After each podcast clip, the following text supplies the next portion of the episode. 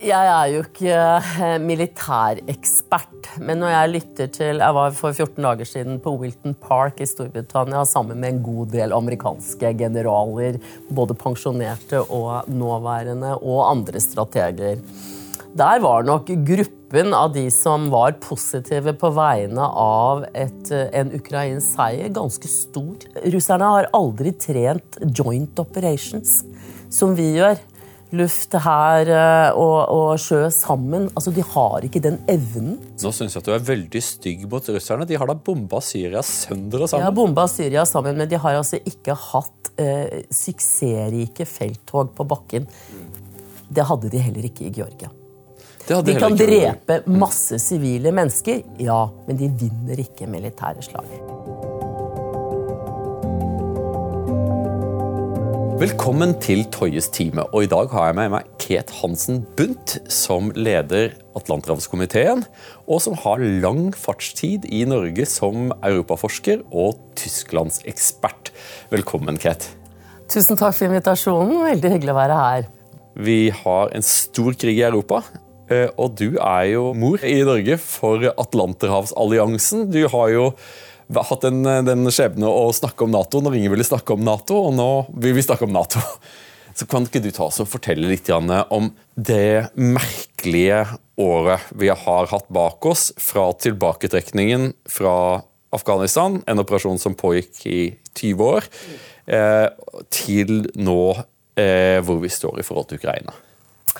Ja, Hvis du tenker på Nato som den alliansen som forlot uh, Afghanistan enn i Kabul 15.8 i fjor, med et sterkt omdømmetap. Alle stilte spørsmål om hva har vi nå gjort her i 20 år. Det var vanskelig å forklare hvordan man kunne tape for Taliban, og det gikk så rasende fort. Vi sto egentlig alle og bare sånn måpte litt til det Nato som i sommer gjennomførte et veldig vellykket toppmøte i Madrid, hvor man vedtok et eh, nytt strategisk kompass, altså et veikart for de neste ti årene fremover for samarbeidet, hvor man står samlet, og hvor Finland og Sverige faktisk har søkt medlemskap i løpet av det siste året. Ja, For dette er jo en big deal. ikke sant? Og jeg synes jo at det er helt interessant, jeg, jo, jeg jo, følger jo Nato fra sidelinjen, jeg også.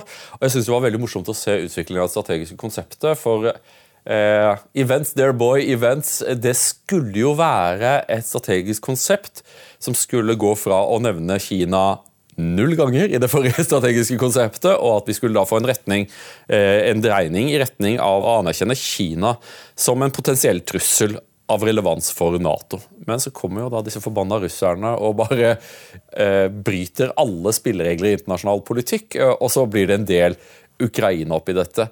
Hvordan, hvordan leser du avveiningen mellom Eh, de to store utfordrerne, slik vi ser det, mot det liberale demokratiet og de vestlige landene, altså Russland på den ene siden og Kina på den andre. Hvordan leser du den avbalanseringen som fant sted i juni?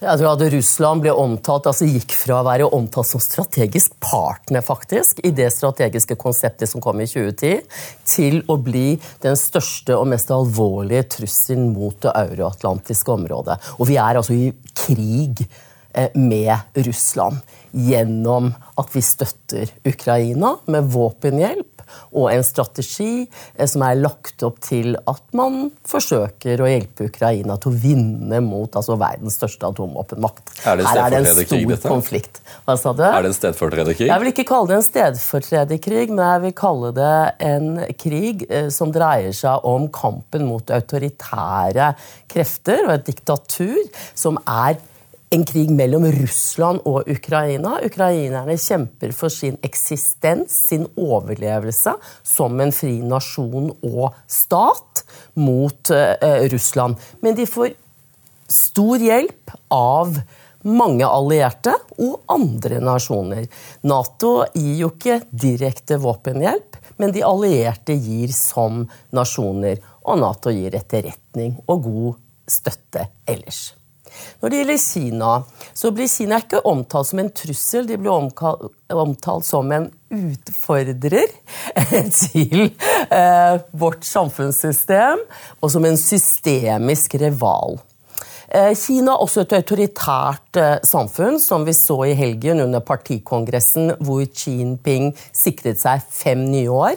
Han blir altså den lederen for Kina, generalsekretær i kommunistpartiet, som har sittet lengst etter Mao Zedong og har strammet tøylene internt i Kina. Deler ikke vår oppfatning av hvordan det internasjonale systemet skal være innrettet med rettsstaten, eh, med individenes frihet, menneskerettigheter osv.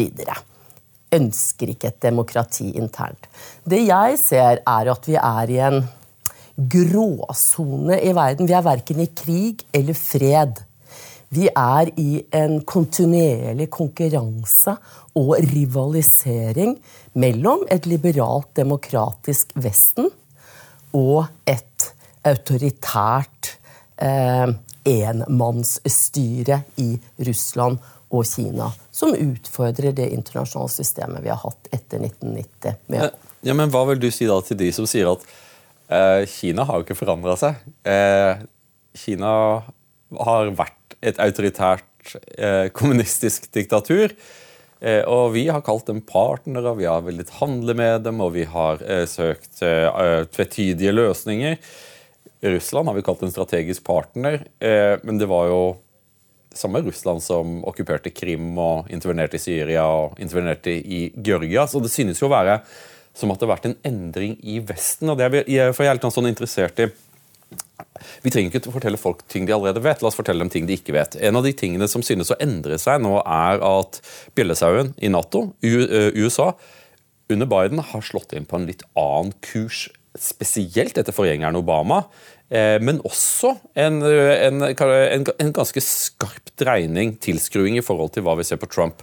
Eh, I forhold til Trump, der eh, amerikanerne tar og smeller ordentlig med pisken i forhold ikke bare til Russland og Kina, men også land som Pakistan og Saudi-Arabia, som også har vært i denne mellomkategorien som du helt riktig beskriver. Eh, internasjonal politikk er jo et sted hvor det er mange, mange gråsoner, men nå virker det som at, eh, at vi polariserer litt. Hvordan ser du Natos rolle i dette, og er de europeiske Nato-allierte klar over at det er en dreining, synes å være en dreining av amerikansk geostrategi, kanskje i retning av en mer eh, kaldkrigsmentalitet vis-à-vis autoritære stater. At det er ikke noe, vi, vi skaper ikke varmestuer for dem lenger. Nei, og jeg tror vi startet med vår lange internasjonale operasjonsperiode i Afghanistan, og vi var mange andre steder også. Og det som lå i bunnen av det, var en tanke om regimeendring.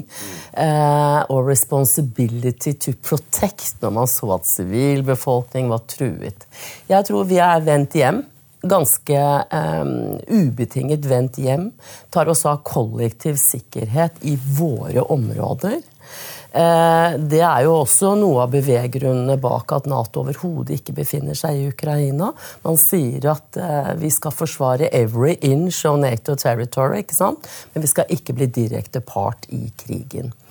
Jeg tror at tiden for de store endringsprosessene internasjonalt, altså misjoneringen internasjonalt, om at de skal dele vårt samfunnssystem, er over. Nå må vi forsvare oss selv. Og Der er det en forskjell på USA og Europa, naturlig nok, eh, også som eh, medlemmer av Nato. Uten USA intet Nato. Mm. Eh, da vil du ha en europeisk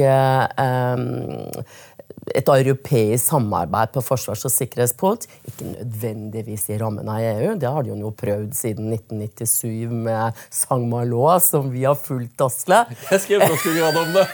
ja, nettopp! Jeg har skrevet mange rapporter om såkalt ESTP, CSTP Kall det hva du vil. Ja, altså, kall det hva du vil, denne alfabetsuppen.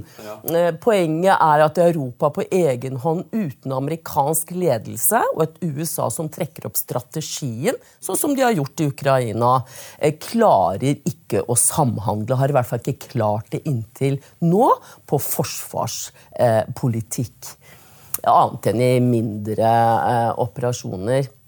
Men jeg tror at vi må se at NATO, amerikanerne kommer til å være opptatt av, som du sier, Sørøst-Asia, Indo-Pacific. Dette blir et Det er mye som skjer til havs egentlig, til forskjell fra den forrige kalde krigen, som var landbasert i Europa hvor det var på en måte Tyskland som var det store krigsscenarioet hvis det virkelig hadde blitt en varm krig. Nå beveger vi oss i havområdene i, i Asia. Og der kommer man til å ha ulike interesser. Og europeerne må ta mer ansvar for egen sikkerhet. Og de kommer nok til å måtte ta seg av Russland og Nord-Afrika og Midtøsten på egen hånd. Jeg leser som at Russland kommer til å knekke seg selv i denne krigen. Eh, og jeg tror at det er liksom de som tror at vi kjemper i, altså i, Ukraina for å hindre at russerne skal hanemarsjere gjennom Washington DC, eh, det var det aldri snakk om. Det var snakk om at Russland hadde og har en armé og teknologi som ble bygd opp under den kalde krigen, og de sto nå i en slags use it or lose it-situasjon. Om at hvis de ikke brukte denne kjempesvære mengden av rust, nå så ville den ikke være relevant. Og så viste det seg jo at det, at det allerede var rimelig utdatert, det de hadde. Eh, og Russland ikke, eh, har gjort den største tabben i moderne historie. Eh, og det er sikkert allerede nå.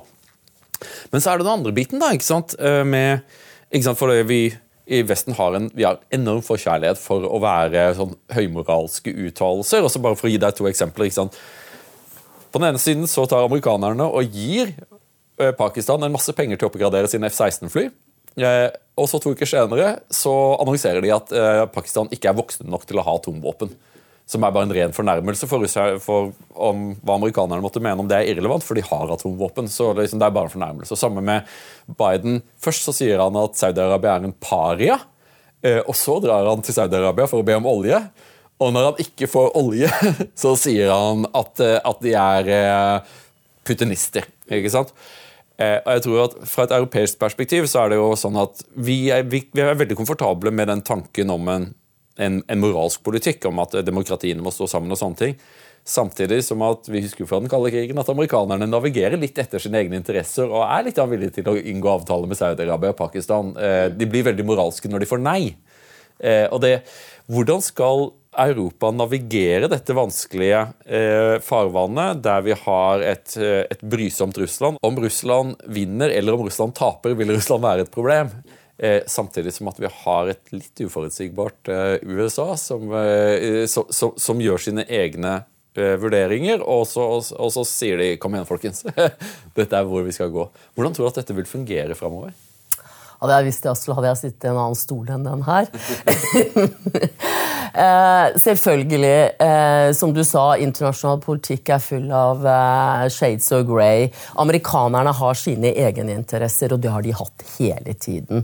De opererer i et internasjonalt system hvor de er den sterkeste militærmakten. Hvor de fortsatt er den sterkeste økonomien og hvor de har såkalt, som vi statsvitere kaller, identiv makt. Altså, folk liker Coca-Cola, hamburgere. Vi liker fortsatt USA, eh, selv om det ser mer frynsete ut enn hva det gjorde tidligere. Dette gir internasjonal innflytelse og makt. Eh, og så kommer de til å ha venner der det er opportunt for dem å ha venner. Men de ser jo også at Kina er en stor utfordrer på sikt. Fordi Kina i løpet av de siste 10, jeg vil si 15 årene Vi skal ikke glemme at Kina har vokst på innsiden av det regelbaserte systemet som ble opprettet, og som amerikanerne har garantert gjennom etterkrigsperioden. Eh, de ble medlem av WTO. De vokste seg økonomisk sterke i denne 20-årsperioden ved å handle med oss.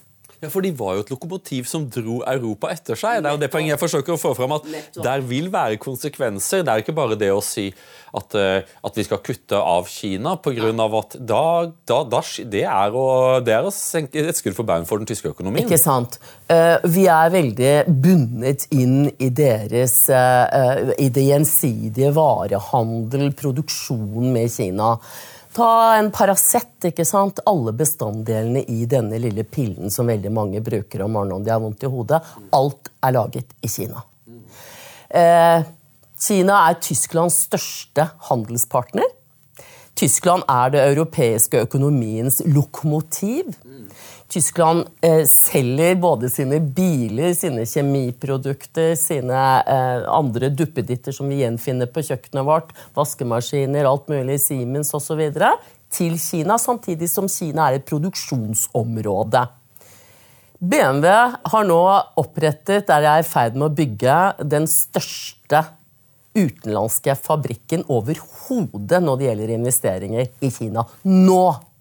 Så spørsmålet er hva er lærdommen av for Berlin, da? Hva er lærdommen av at man var totalt avhengig av russisk naturgass? Og når den stopper, eh, så sliter man. Man fryser, og de er redd for at de skal fryse i løpet av vinteren. Men lærdommen er ikke overført til det andre autoritære regimet. Vet du hvor, de, vet hvor den forrige største fabrikken BMW bygde i utlandet lå? Kaliningrad. Ja. Du og jeg begge to atlantister er veldig knyttet til det, og vi er veldig overbevist tror jeg, om at det er den beste løsningen for demokratiet. Vi må være alliert. På den annen side så har ikke denne alliansen ført til økonomisk integrasjon mellom Amerika og Europa i den grad man ville ventet. Vi er ganske enkelt ikke veldig viktige handelspartnere for hverandre. Eller, man er viktige, men ikke så viktige som Kina. Eh, Eh, Der er jeg litt uenig. Altså, det er ikke mer enn et par år siden Kina overgikk USA som den viktigste handelspartneren for Tyskland. men, men, Kina, er- men Kina er også en veldig mye viktigere handelspartner for USA. enn Ja, Europa er ikke så viktig for USA som USA har vært for enkelte europeiske land. ikke sant?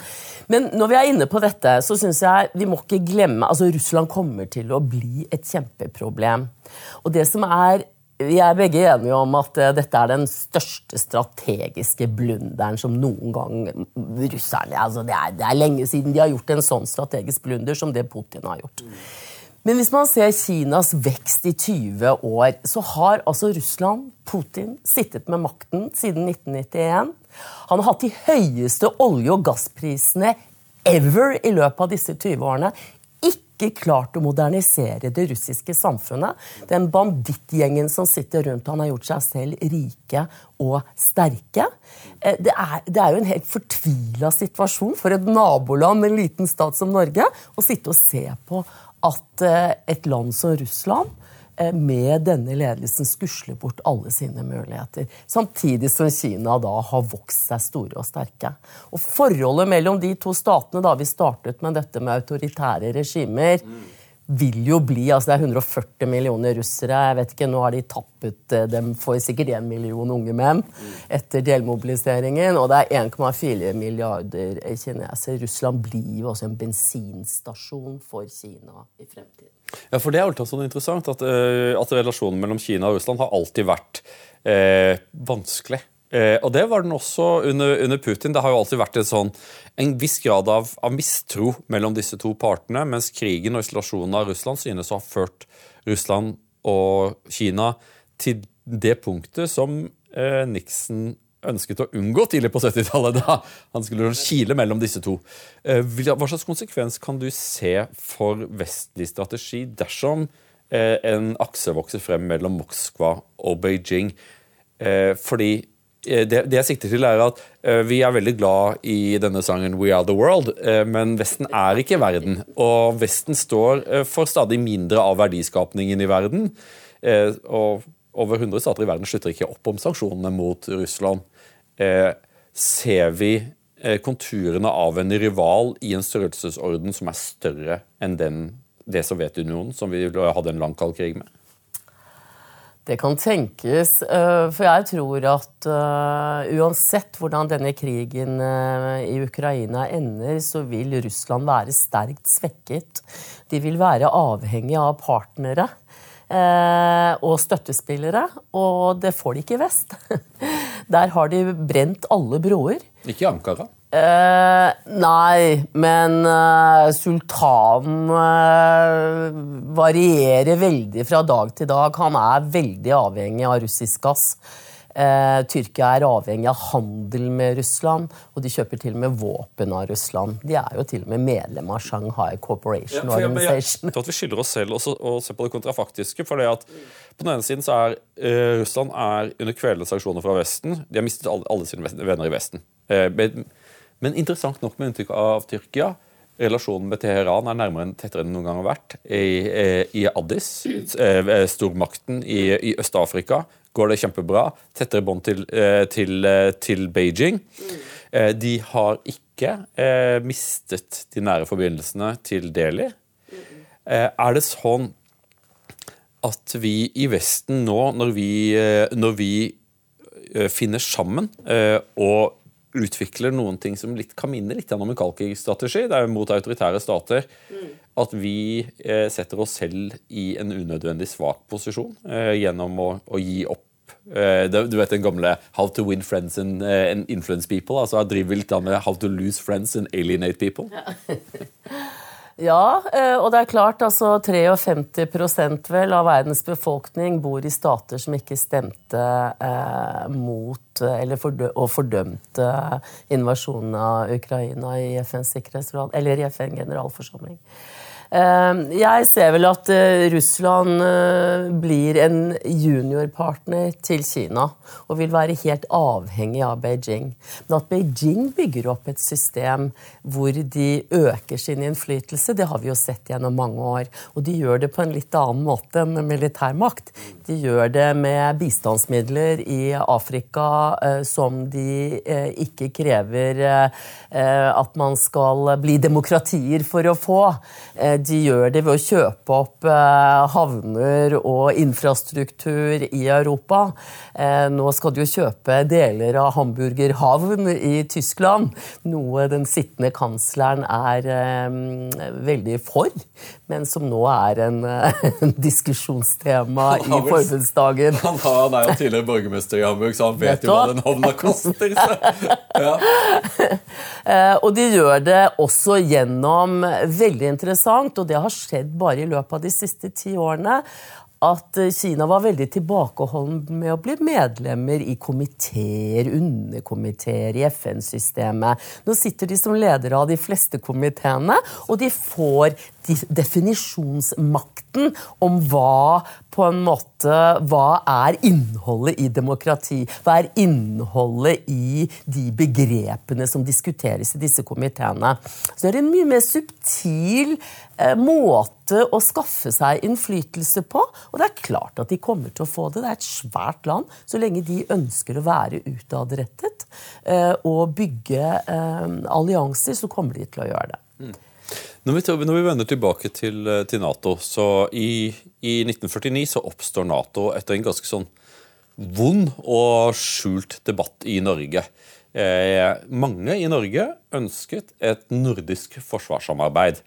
Det, eh, vi diskuterte dette med, eh, med Helge Faro, og han kom vel fram til, han mente at konsensus er at eh, Norge, etter å ha vært okkupert, og danskene eh, innså at Sverige ikke kunne tilby den graden av sikkerhet som det USA kunne gjøre, og derfor ble valget ganske lett etter fem år med okkupasjon. Eh, jeg tror at det er en ganske riktig lesning av det. Eh, og nå ser vi da det som jeg tror jeg aldri ville trodd at jeg skulle se i min levetid. Sverige og Finland, men la oss fokusere på Sverige, melder seg inn i Nato. Eh, Hvordan leser du dette?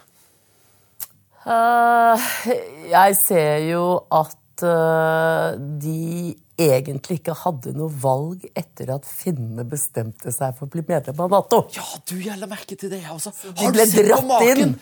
at, at Sverige skulle ta den største strategiske beslutningen siden de ga opp Norge, og så at finnene skulle ta det for dem. For Det interessante var jo at eh, etter at Putin stilte sine krav til Nato og USA rett før jul i fjor, om at Nato ikke måtte utvides mer, de skulle trekke alt militærmateriell og soldater tilbake fra grensene fra 1997, altså før man utvider østover i det hele tatt, USA må ut av Europa. Eh, Så holder altså den finske presidenten Saulen Niinistö en nyttårstale som han vier til tanken om å bare slå fast at det er altså Finland selv som suveren nasjon som bestemmer hvilke allianser Finland skal være medlem av. Så går det veldig, veldig fort. To-tre måneder eh, så har de bestemt seg for å melde seg inn. Og jeg har hørt at da ble man ganske sur og aggressiv i Stockholm. Ja, det vil jeg tro. Eh, jeg må si at jeg digger jo finnene. Har du sett En ukjent soldat, den filmen på Netflix? Finnene har jo en sånn selvtillit som nesten ingen andre europeere. For Hvem ville lagd en heltefilm der, de, der dine soldater slåss i, i, i, i, tyske hjelmer med tyske våpen og skyter russere hele filmen gjennom? Eh, det er en sånn Vær så god, finske folk, her har vi en liten julegave eh, om, om, den gangen vi drepte russere. Eh, og så er det jo sånn at Finnene de kødder ikke. Eh, de, de, eh, de, kan være treige som tusen, eh, men når de tar en beslutning, så tar de en beslutning. Mm. Men det må jo ha vært et sjokk i Stockholm, der de blir satt i sjakkmatt. Jeg tror ikke at finnene orienterte dem. Det er jeg ikke så sikker på. Men det er klart at eh, alle de nordiske landene har samarbeidet eh, ganske tett eh, militært siden Russland annekterte Krim, i hvert fall, i 2014. De har vært med på Nato-øvelser. Eh, vi flyr sammen med finner og svensker omtrent daglig i, her eh, i Norden, Norge. Eh, jeg tror, men jeg tror nok at det lå veldig langt inne, satt veldig langt inne for svenskene. Deres såkalt alliansefrihet 200 år, har skaffet dem 200 år med fred er på en måte en del av deres identitet. Finnene er veldig pragmatiske. Nå står vi overfor den trusselen, da må vi gjøre det. Ja. Uh, pluss at de har ikke tatt ut fredsdividenden etter 1990. De uh, opprettholdt sin store hær, sitt uh, omfattende totalforsvar, og er klare til å kjempe hver eneste dag. Eh, og der er det veldig stor forskjell. Men jeg tror altså det skal bli interessant å se, for tanken om nordisk forsvarssamarbeid er jo vakker. Eh, men eh, den vil jo nå skje da på innsiden av Nato. Hvis det blir så mye samarbeid. Jeg, det gjenstår å se. Vi har ulik historie, som du nevnte. Norge og Finland har ligget under Sverige og Danmark i, i lang tid. Altså, det er liksom stormaktene i Norden. Eh, finnene er også, tror jeg, eh, de sitter ganske hardt inne at det var ikke noen svensker som kom dit til unnsetning eh, når de ble angrepet av Stalin. Uh, Dette er en sånn veldig vond sak for meg. Jeg, jeg, tok, Vonde saker! Jeg, jeg, tok også og forsøkte å resirkulere et, eh, et, svensk eh, ordtak Finlands sak er vår sak. Husker du det var en sånn svær plakatkampanje? Eh, og, og, så kom man fram til at Finlands sak var ikke vår sak. Så de fikk jo ikke den støtten som, som, det, som det, de hadde håpet på.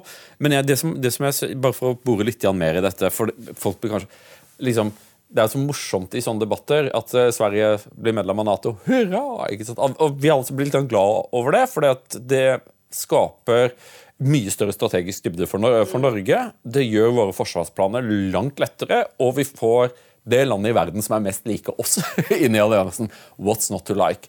Og så er det den andre biten. Det er jo sånn, Vi spør oss ofte hva Sverige kan gjøre, eh, gjøre for Der Det er Svenskene spør seg hva kan Nato gjøre for oss, ikke hva de kan gjøre for Nato. Og vi vet jo, sist da vi skulle kjøpe Archer-artilleriet, eh, at det er veldig vanskelig å samarbeide med svenskene. Ja, altså, jeg tror altså, jeg startet med denne historiske faktoren som nok ligger der og alltid blir dratt opp når man eh, blir litt hissig i debatter og diskusjoner.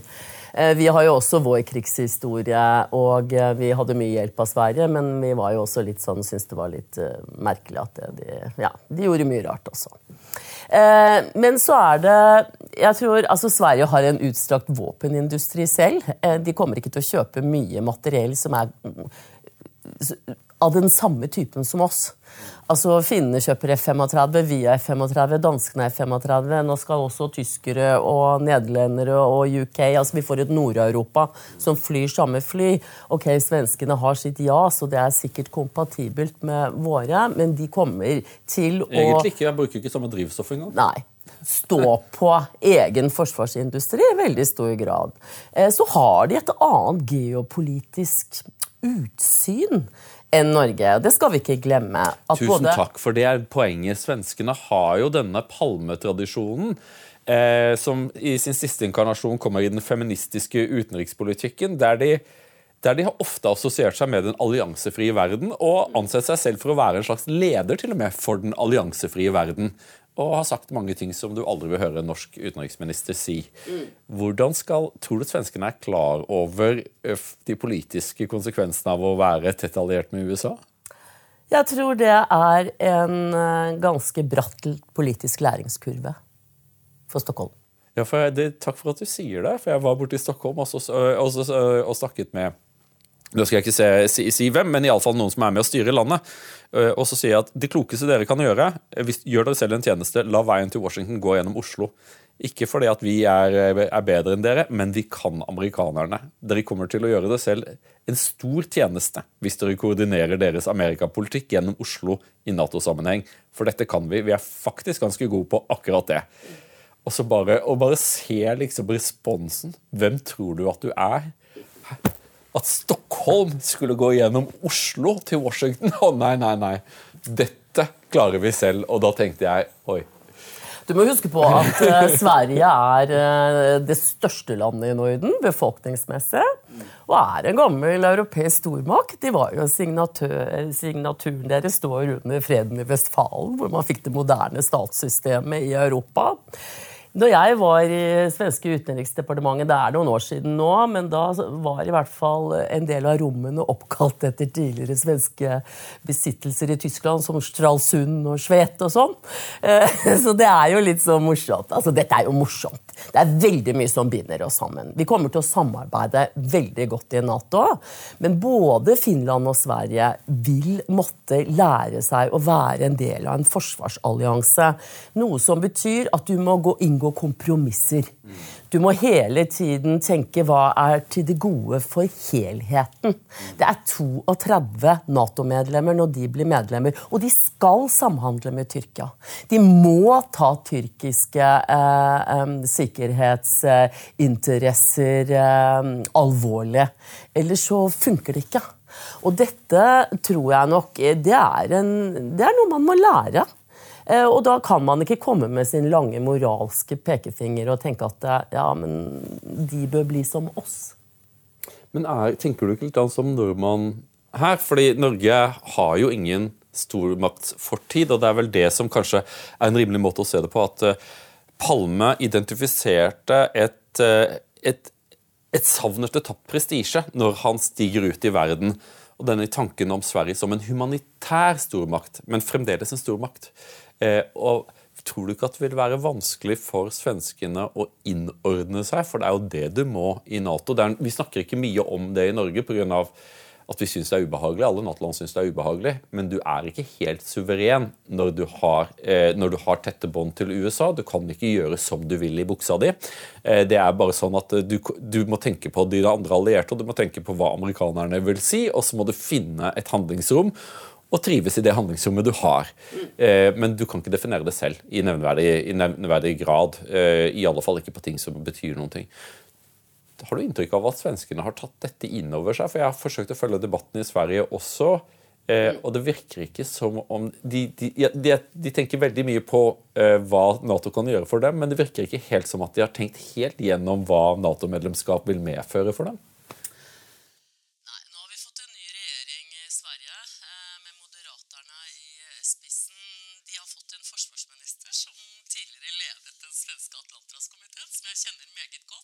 Paul Jonsson.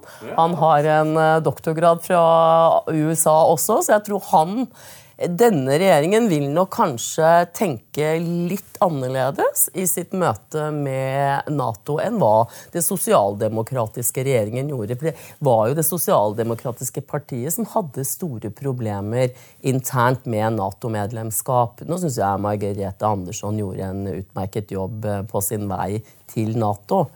Men det er klart, dette er, eh, det tar tid å lære seg.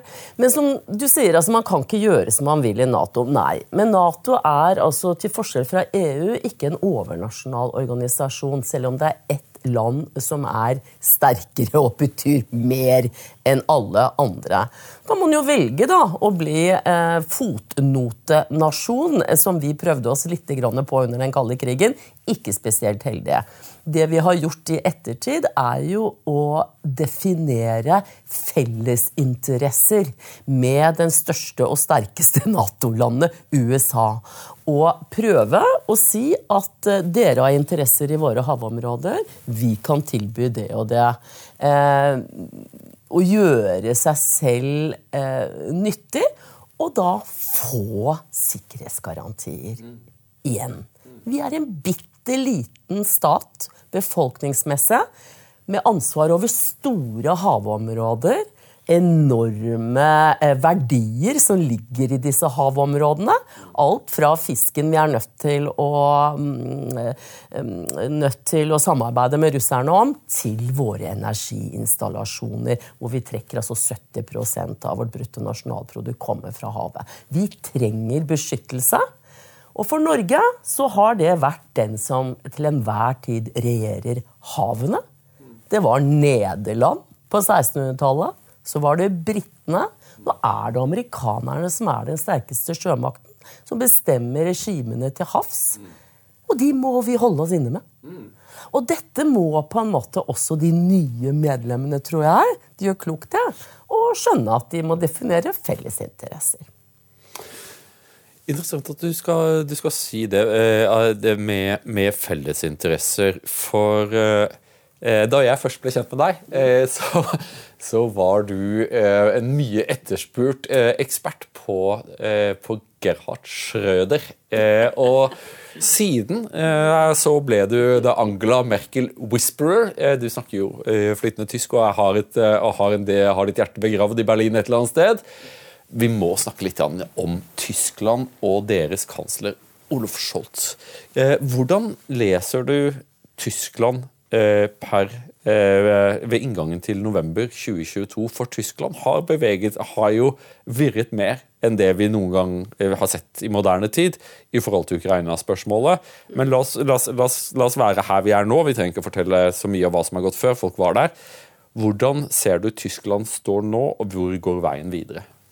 Jeg tror de står midt oppi en eh, realitetsorientering om hvordan verden og Europa faktisk ser ut.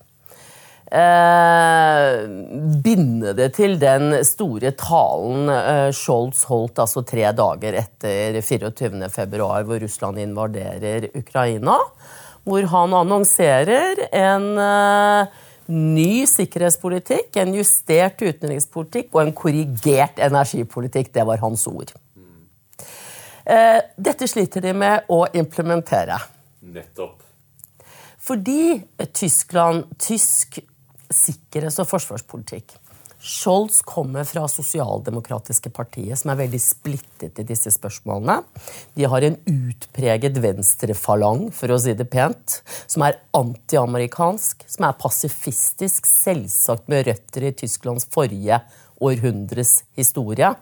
Mange mistet sine bestefedre og eh, menn, og i det hele tatt krigen, som de var ansvarlige for holocaust osv. Eh, og eh, de er, eh, har ikke ønsker om at Tyskland skal på en måte se militærmakt som en av verktøyene i verktøykassa når man bedriver utenrikspolitikk.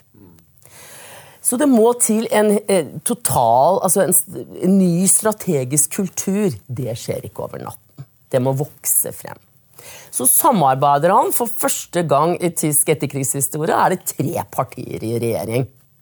Han samarbeider med Fridemokratene, dette lille fri, eh, næringslivsorienterte partiet, og De Grønne, som er miljø- og klimapartienes eh, europeiske mor. Baerbock.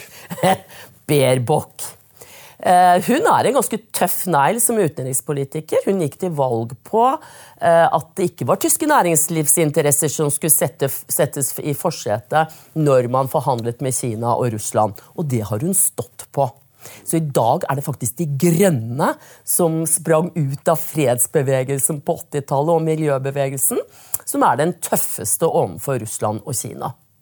Og så har de også nærings- og klimaminister Robert Habeck, som tidligere delte partilederposten med Berbuk.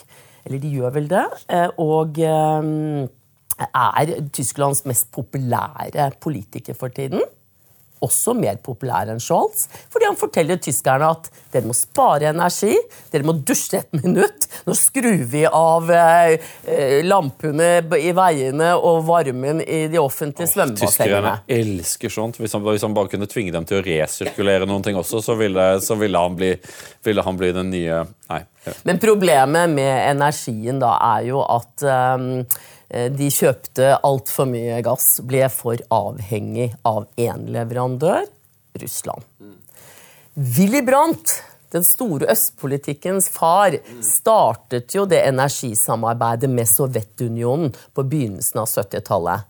Den gangen sto det skrevet i papirene at de aldri skulle ha mer enn 10% gass fra Russland. Hva var det de hadde? Var det 40? 55, 55 når det smalt ja, utenfor Kiev. ja. uh, I dag har de klart å minimere dette, uh, også fordi at en eller annen har sprengt Nord Stream 1 og 2.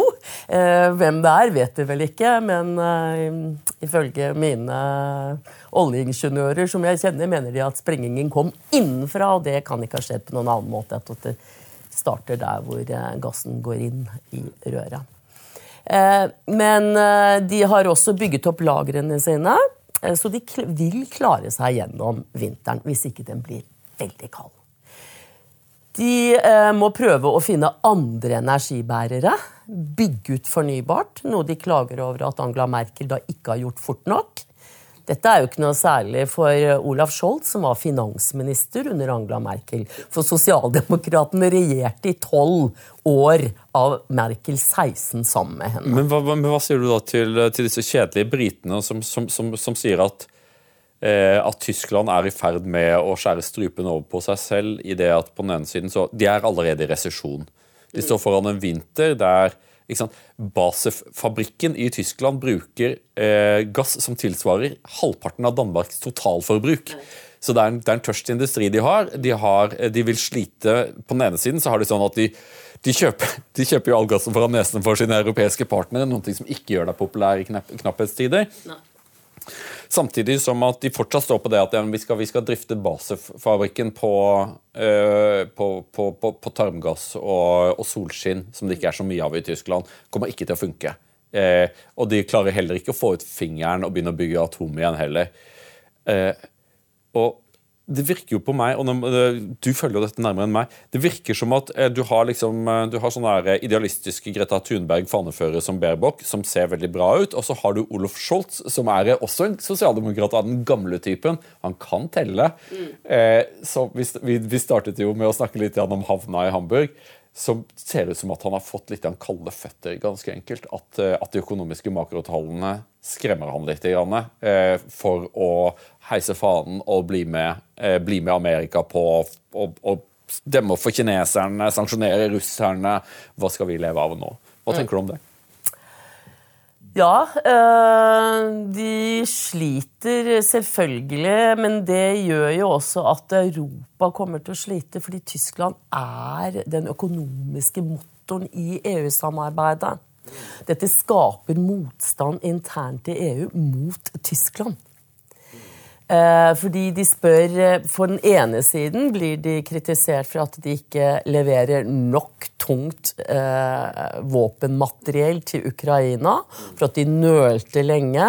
President Steinmeier fikk jo ikke lov å komme til Kiev. Han var der i går første besøk. Ja, det er, er, det noen parlamentarikere på Stortinget som enda ikke har blitt tatt bilde av sammen med Zelenskyj? Ikke sant. Han har ikke fått Zelenskyj-selfien uh, sin Apropos før nå. å være god i strategisk kommunikasjon. Der må vi si at uh, presidenten i Ukraina er uovertruffen. Han er, uh, han er fantastisk. Men uh, Steinmeier var der i går, så, så de, liksom den, de må step up. Også fordi de har sagt at de skal ta mer militært lederskap i Europa. På den annen side så har du da den uh, energibiten som gjør, som du riktignok sier, tysk industri er veldig energitørst. Det er bilindustrien, det er kjemiindustrien som bruker enormt med kraft eh, osv. Og som har gjort at Tyskland faktisk har støvsuget markedet for, eh, for gass. De har vært i Qatar, de ønsker LNG fra USA.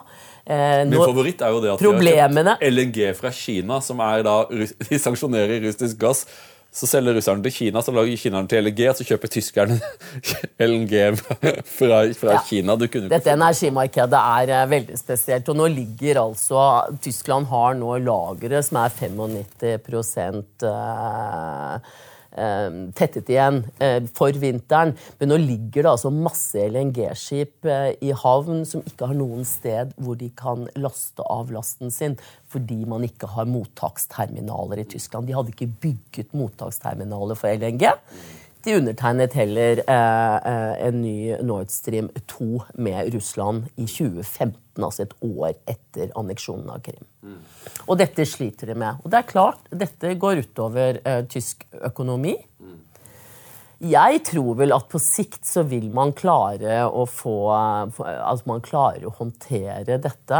Eh, Scholz, eh, Fridemokrater og De Grønne kranglet jo så busta føyk i forrige uke om de skulle videreføre de to, tre atomkraftverkene som ennå ikke er faset ut et år eller to. Nå står de bare for 5% av elkraften i produksjonen i Tyskland. Men da slo han igjennom og sa at eh, nå slutter vi å krangle. Dette skal videreføres, men da til april neste år. Fordi Angela Merkel i 2011 bestemte at man ikke skulle ha atomkraft. Så hele den energipolitikken er oppe til revurdering. Er det, når du ser framover, tror du at denne eh, tvungne revurderingen for tyskere er jo, er jo, Siden Adenauer så har det jo vært eh, keine eksperimentet. ikke sant? Også, mens nå så er det en del hellige kuer som blir både gjort hellige og slaktet i løpet av ganske kort tid.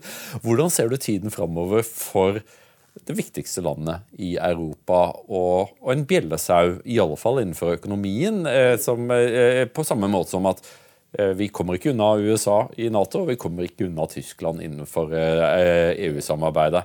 Hvordan ser du veien framover for Tyskland? I veldig stor grad vil det avhenge av hvor lang, langvarig den krigen i Ukraina blir. Jeg tror at man vil klare det tar, men på sikt vil man klare å få til en ny energimiks. Eh, sånn at man får stablet eh, industrien på bena igjen. Eh, frykten er jo at man i mellomtiden skal få politisk og sosialt opprør internt i Tyskland. Så man på valget i Niedersachsen, altså tyskerne, føderalstat. De har jo alle disse delstatsvalgene som peker litt frem mot uh, de politiske konstellasjonene i Berlin, altså for eh, landet som helhet, men som også er preget av lokale stridigheter. Men i Niedersachsen gjorde AFD, altså dette Alternativ for Deutschland, høyrepopulistene, det er veldig bra. Hvor mye hva fikk de? Ja, nå husker jeg ikke helt, men det var over 10 eh, Relativt bra. fordi hittil så har ikke de klart å vinne på eh, den økonomiske og, og, og, krisen i kjølvannet av Ukraina-krigen. Men der fikk de et bluss opp, i hvert fall. Pluss at Fridemokratene, som jo sitter i regjering, som denne regjeringen er helt avhengig av å ha med seg for å ha flertall, gjorde det forferdelig dårlig og falt ut av delstatsforsamlingen. Så vi ser at det er en viss bevegelse. Og så ser vi også at det er ganske stor forskjell hvordan man oppfatter krigen og dens konsekvenser i det gamle Øst-Tyskland og i Vest-Tyskland. Man er mye mer kritisk til regjeringens politikk i det gamle øst. De hadde et tettere forhold til Russland og har det for så vidt fortsatt. Eh, og man skal jo ikke se bort fra at det, det, er ikke bare kulturelle forhold, og at det, man har en felles historie med Moskva. Men det er også at eh, noen av de delstatene rammes sterkest av sanksjonspolitikken. Nord Stream 1 og 2 kom inn i det østlige Tyskland. Eh, og en del av fabrikkene som nå sliter, de store kjemifabrikkene, ligger i denne delen av Tyskland.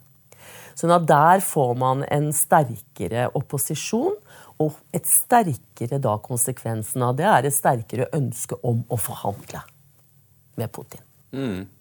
Men det kommer jo ikke Tyskland til å gjøre. Det er jo en stund siden Tyskland kunne, kunne skrive, skrive under på sånne, eh, på sånne sto, store kompromisser. Eh, De var jo eh, sammen med franskmennene gudmødrene for eh, Minsk-avtalen mellom Ukraina og Russland. Eh, og, og det fungerte jo ikke.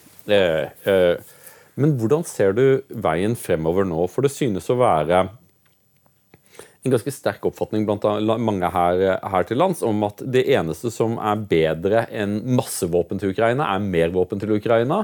Dette kommer til å gå kjempebra. Eh, en militær seier er nært forestående.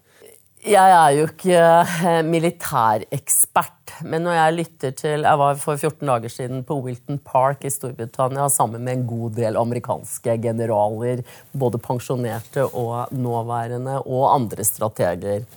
Der var nok gruppen av de som var positive på vegne av et, en ukrainsk seier, ganske stor. Eh, grunnen til det var eh, kanskje tre, eh, som det kan jeg si. Ben Hodges, tidligere eh, ansvarlig for eh, amerikanske styrker i Europa inntil for tre år siden, sa tre grunner. Eh, og det var for det første at man har overvurdert den russiske militærmakten sterkt. Og han lurte på hvordan i all verden han kunne ha gjort dette. Eh, og da sier han at de, jeg tror vi har undervurdert korrupsjonen i det russiske militæret. Eh, hvor man i et diktatur så blir det jo, Hvis man skal kalle Russland et diktatur Men det er i hvert fall en enmannsstyre mer og mer har det blitt utover Putins periode. Så får man de svarene og den informasjonen man ber om. Man får ikke noe annet. Eh, og så er det mellomleddene som eh, styrker sin egen økonomi. Man melder inn såkalte spøkelsessoldater som ikke eksisterer, men som man får lønningene og krediten for, fordi da rykker man oppover i systemet. Stjeler vedlikeholdsbudsjettet, og så gjennomfører man ikke vedlikeholdet, bare krysser av i, i margen. ikke sant? Og når du skal bruke det, så funker det ikke lenger. Og så oppdaget han også at så sa han at dette med Russerne har aldri trent joint operations, som vi gjør. Luft, hær og, og sjø sammen. Altså, de har ikke den evnen. Og for det tredje, vi startet med Afghanistan. Vi har kriget i 20 år. Det har ikke russerne. Så de har altså ikke fått den øvelsen som den krigføringen vi har holdt på med, har gitt oss. Nå syns jeg at du er veldig stygg mot russerne. De har da bomba Syria sønder og sammen. De har bomba Syria sammen, men de har altså ikke hatt eh, suksessrike felttog på bakken. Det hadde de heller ikke i Georgia. De kan drepe masse sivile mennesker, ja, men de vinner ikke militære slag. Mente han. Så har vi undervurdert ukrainerne. Og det er klart ukrainerne får militær støtte av oss. Så lenge de gjør det, så vil de kunne vinne. Og så er det den eh, humane, altså menneskefaktoren, sier Ben Hodges. Og det er at når du kjemper for ditt land, noe vi så i Afghanistan, så kjemper du mye tøffere og hardere enn hva du gjør hvis du blir sendt vilkårlig til en eller annen slagmark med reisekrematorier, som de første russiske soldatene etter sigende skal ha hatt med seg. uten å vite hva du gjør der. Og jeg tror at det de også sier, er at uh, russerne går tom for ammunisjon, for materiell. Og kanskje også soldater. Vi så denne delmobiliseringen førte til Ok, Putin sier at han har fått inn 250 000 soldater, men én million unge menn forlot Russland i samme perioden. Uh, så ja, de mest optimistiske mener vel at krigen vil føre til en ukrainsk seier hvis vi fortsetter å gi dem våpen og penger har vi ikke hørt den sangen her før? For jeg hørte, jeg, jeg, det, det, minner veldig mye på, det samme, på samme, det samme riffet som jeg hørte om eh, La oss ta Irak. Vi overvurderte eh, revolusjonsgarden. Å, vi var så redde for revolusjonsgarden. De var så topptrente. Og liksom, de, kunne, de kunne dette, og så vi klappa det jo sammen. ikke sant? Og, så, og først så overvurderer vi, og så undervurderer vi dem. Eh, og det var det, så jeg, De der folka der kan vi bare tvangsoppløse. Trenger dem ikke i det hele tatt. Det der, de der, og så viste det seg jo at de klarte å påføre Amerika så mye smerte at de måtte komme seg ut av Irak. Det var i hvert fall en del av historien, at amerikanerne ikke orket å stå der lenger. Samme Taliban eh, overvurderte dem så undervurderte vi dem. Det, du, du, var der, du også. liksom. Hver søndag i 20 år hadde NRK en, en reportasje om fremgang i Afghanistan. Her er Fariba. Hun har fått en ny skolebok. Hijaben er ikke der. ikke sant? Eller om det var mat eller jordbruk og sånne ting. Og så etter 20 år med fremgang så stikker vi av med folk hengende på utsiden av flyet. Man må på en eller annen måte forklare. Og seieren til Taliban var jo det at de unngikk å bli beseiret. Eh, gjennom å ikke bli beseiret, eh, så, så, vant de på en eller annen måte. Er det noen fare for at vi undervurderer Russland nå? For det Vi overvurderte dem først. Jeg også. Alle gjorde det. Eh, men så er det jo sånn at hvis Russland skulle vise seg å ha mer bensin igjen på tanken, så ville jo det være noen ting som også ville være så selvforklarende. Da ville man jo også si ja, selvfølgelig hadde de det. Kom igjen. Eh, de har depoter med tungt artilleriammunisjon liggende hver 50. km gjennom hele Sovjetunionen. Trodde vi virkelig at de kom til å gå tom? Ikke sant? Og det er jo, eh, de, de kan mobilisere Å nei, nei, de har mistet hva? 10 000? 20 000? Det var en god formiddag under, under annen verdenskrig. Eh, så er det liksom Tror du, tror du at det er også en sjanse for at vi, vi lurer oss selv litt igjen? For vi har lurt oss selv før. Vi har lurt oss selv før, og Irak førte jo til IS, eh, som vi hadde store problemer med i en lang periode. Ja. Altså, det er utilsiktede konsekvenser, altså mulighetsrommet for eh, at eh, det kan dukke opp eh, ting vi rett og slett ikke har tenkt på, er selvsagt stort ja, i en krig. For Hvis det skulle være riktig infam, så er det jo ikke bare Russland som hadde betydelige korrupsjonsutfordringer forut for denne krigen. Det har jo også Ukraina. Eh, så vi har jo en prima fase antakelse om at Ukraina på magisk vis ble et utrolig ukorrupt land i, da krigen startet, mm. på tross av at all erfaring viser seg at krig er veldig korrupsjonsskapende. Ja. Eh, og det å pøse inn masse penger i et land, og det tror jeg de fleste er fortsatt uh, oppmerksom på uh, Ukraina hadde, er ikke noen sånn uh, et demokrati som lå langt ned på demokratiskalaen, for å si det pent. Mm. Rettsstaten fungerte ikke like godt som det man ønsket at den skulle gjøre. Og det er et korrupt land med mange oligarker, også Ukraina, som har slitt med hele prosessen etter at de ble selvstendige, selvstendige i 1991. Og at krig er korrupsjonsskapende. Ja, selvfølgelig enorme summer med penger som kommer inn i et land som kanskje ikke har de strukturene og de systemene som skal til for å håndtere dette. Og det, jeg tror det er vanskelig å håndtere uansett hva slags strukturer du har på plass.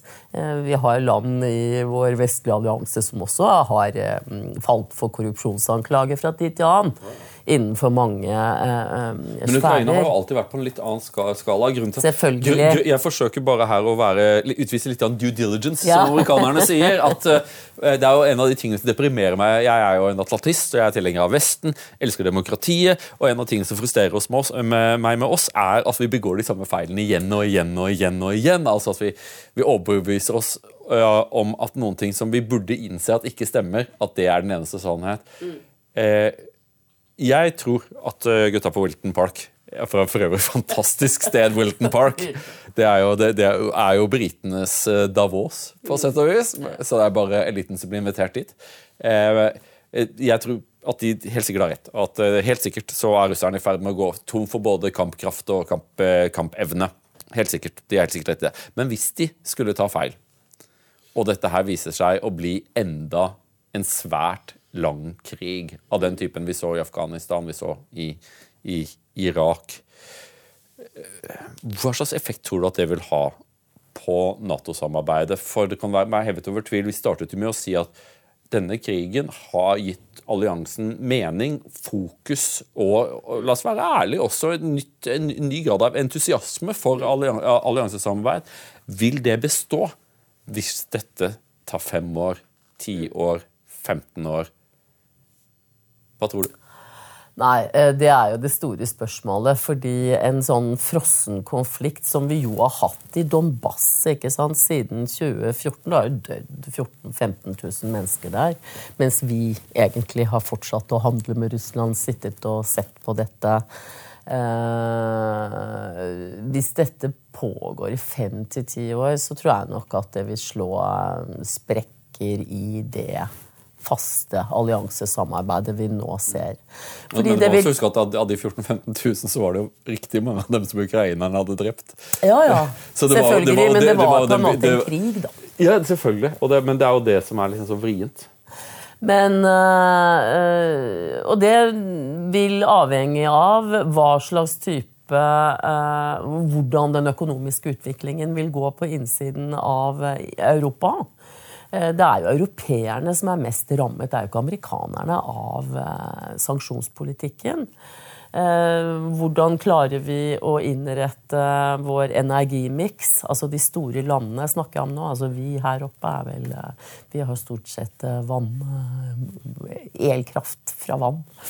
Ja. Eh, men, eh, og hvordan vil dette um, avtegne seg politisk og sosialt i de store europeiske landene? Vi ser jo allerede at land som Frankrike, Italia altså, Jo lenger vekk du er fra den russiske grensen, jo mer tilbøyelig er du til å tenke Forhandlinger, diplomati Ja! Og er du fransk president, så vil du sikkert også tenke at hvis jeg kunne ha fremforhandlet eh, fred, så hadde veien til Nobelinstituttet vært kjapp. Jeg tror ikke han tenker på det, men altså, man er jo tilbøyelig i Europa til å tenke mm, forhandlinger, eh, diplomati. Og jo lenger det går, jo mer tror jeg man eh, ville ønske det i enkelte hovedsteder. Og det vil nok kunne føre til en, en splittelse internt i Nato. Mm. I, løpet av det tiåret som ligger bak oss, så har jo ofte Tyskland vært det landet som har pekt på det samlingspunktet hvor europeiske land kunne finne sammen både i EU-sammenheng og i Nato-samarbeidet. Eh, NATO og det var nært knyttet til en politiker som eh, både du og jeg har hatt mye pent å si om, om Angela Merkel. Mm. Eh, ser du noen tendenser i Olof Scholz til å kunne spille en tilsvarende svært vanskelig oppgave under langt vanskeligere omstendigheter enn det Angela Merkel noen gang har Det er et veldig godt spørsmål. De er veldig forskjellige, selv om eh, mange mente at Olaf Scholz eh, vant eh, valget i fjor høst ved å nærmest kopiere Angela Merkel og etterligne henne. Bli litt sånn merkelsk i sin opptreden under valgkampen. Så er de veldig forskjellige. Men som jeg pleide å si også under Merkel, så er det er ikke nødvendigvis bare Merkels person. Det er jo at du er leder for Europas største og sterkeste økonomi. Eh, og et land som av mange grunner på en måte er eh, drivkraften i EU. Vi sa at Nato ville ikke vært der uten USA. EU ville ikke vært der uten Tyskland. Eh, men du skal også kombinere den rollen som på en måte er tuftet i Tysklands makt, med en personlig egnethet til å være den som kan inngå kompromisser, til å forhandle, til å få til eh, eh, politiske løsninger på spørsmål som først og fremst er til gunst for ditt eget land, men hvor du går såpass langt at du klarer å få med de andre på det. Det er jo på en måte nøkkelen nøkkelen til EU er jo at man ivaretar egeninteresse ved å få med andre på. Opplyst egeninteresse. Opplyst egeninteresse. Eh, og det tror jeg nok gjenstår. Eh, jeg er vel av den oppfatningen at eh, Robert Habeck har mer av de kvalitetene. Helt enig.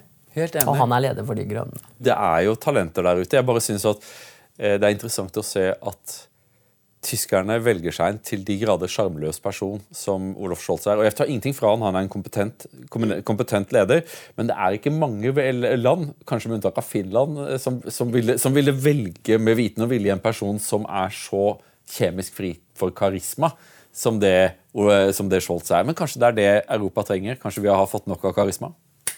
Nå var jo ikke akkurat eh, Angela Merkel sett på som noe sjarmtroll når hun kom inn i tysk politikk og vippet Gerhard Schrøder av eh, pinnen, heller. Eh, men man trenger nok en, en, dyktig politiker som klarer å fremforhandle kompromisser. Det er det Europa dreier seg om, men som klarer å slå igjennom. Og hvem det blir, det må fremtiden vise. Problemet for Scholz vet du, er at han kan ikke stille opp i den operakjolen som, eh, som, som, eh, som, eh, som, gjorde at mange likte Merkel langt bedre. Men uh, man får bare ta og søke på Google uh, med Merkel og operadress, så vil dere finne hva jeg mener. Han vil få problemer med å fylle den ut, i hvert fall. Kate Hansen Mundt, det har vært en så stor glede å ha deg her. Jeg lærte masse og håper at du snart vil komme tilbake. Takk for at jeg fikk komme. Veldig hyggelig, Asle.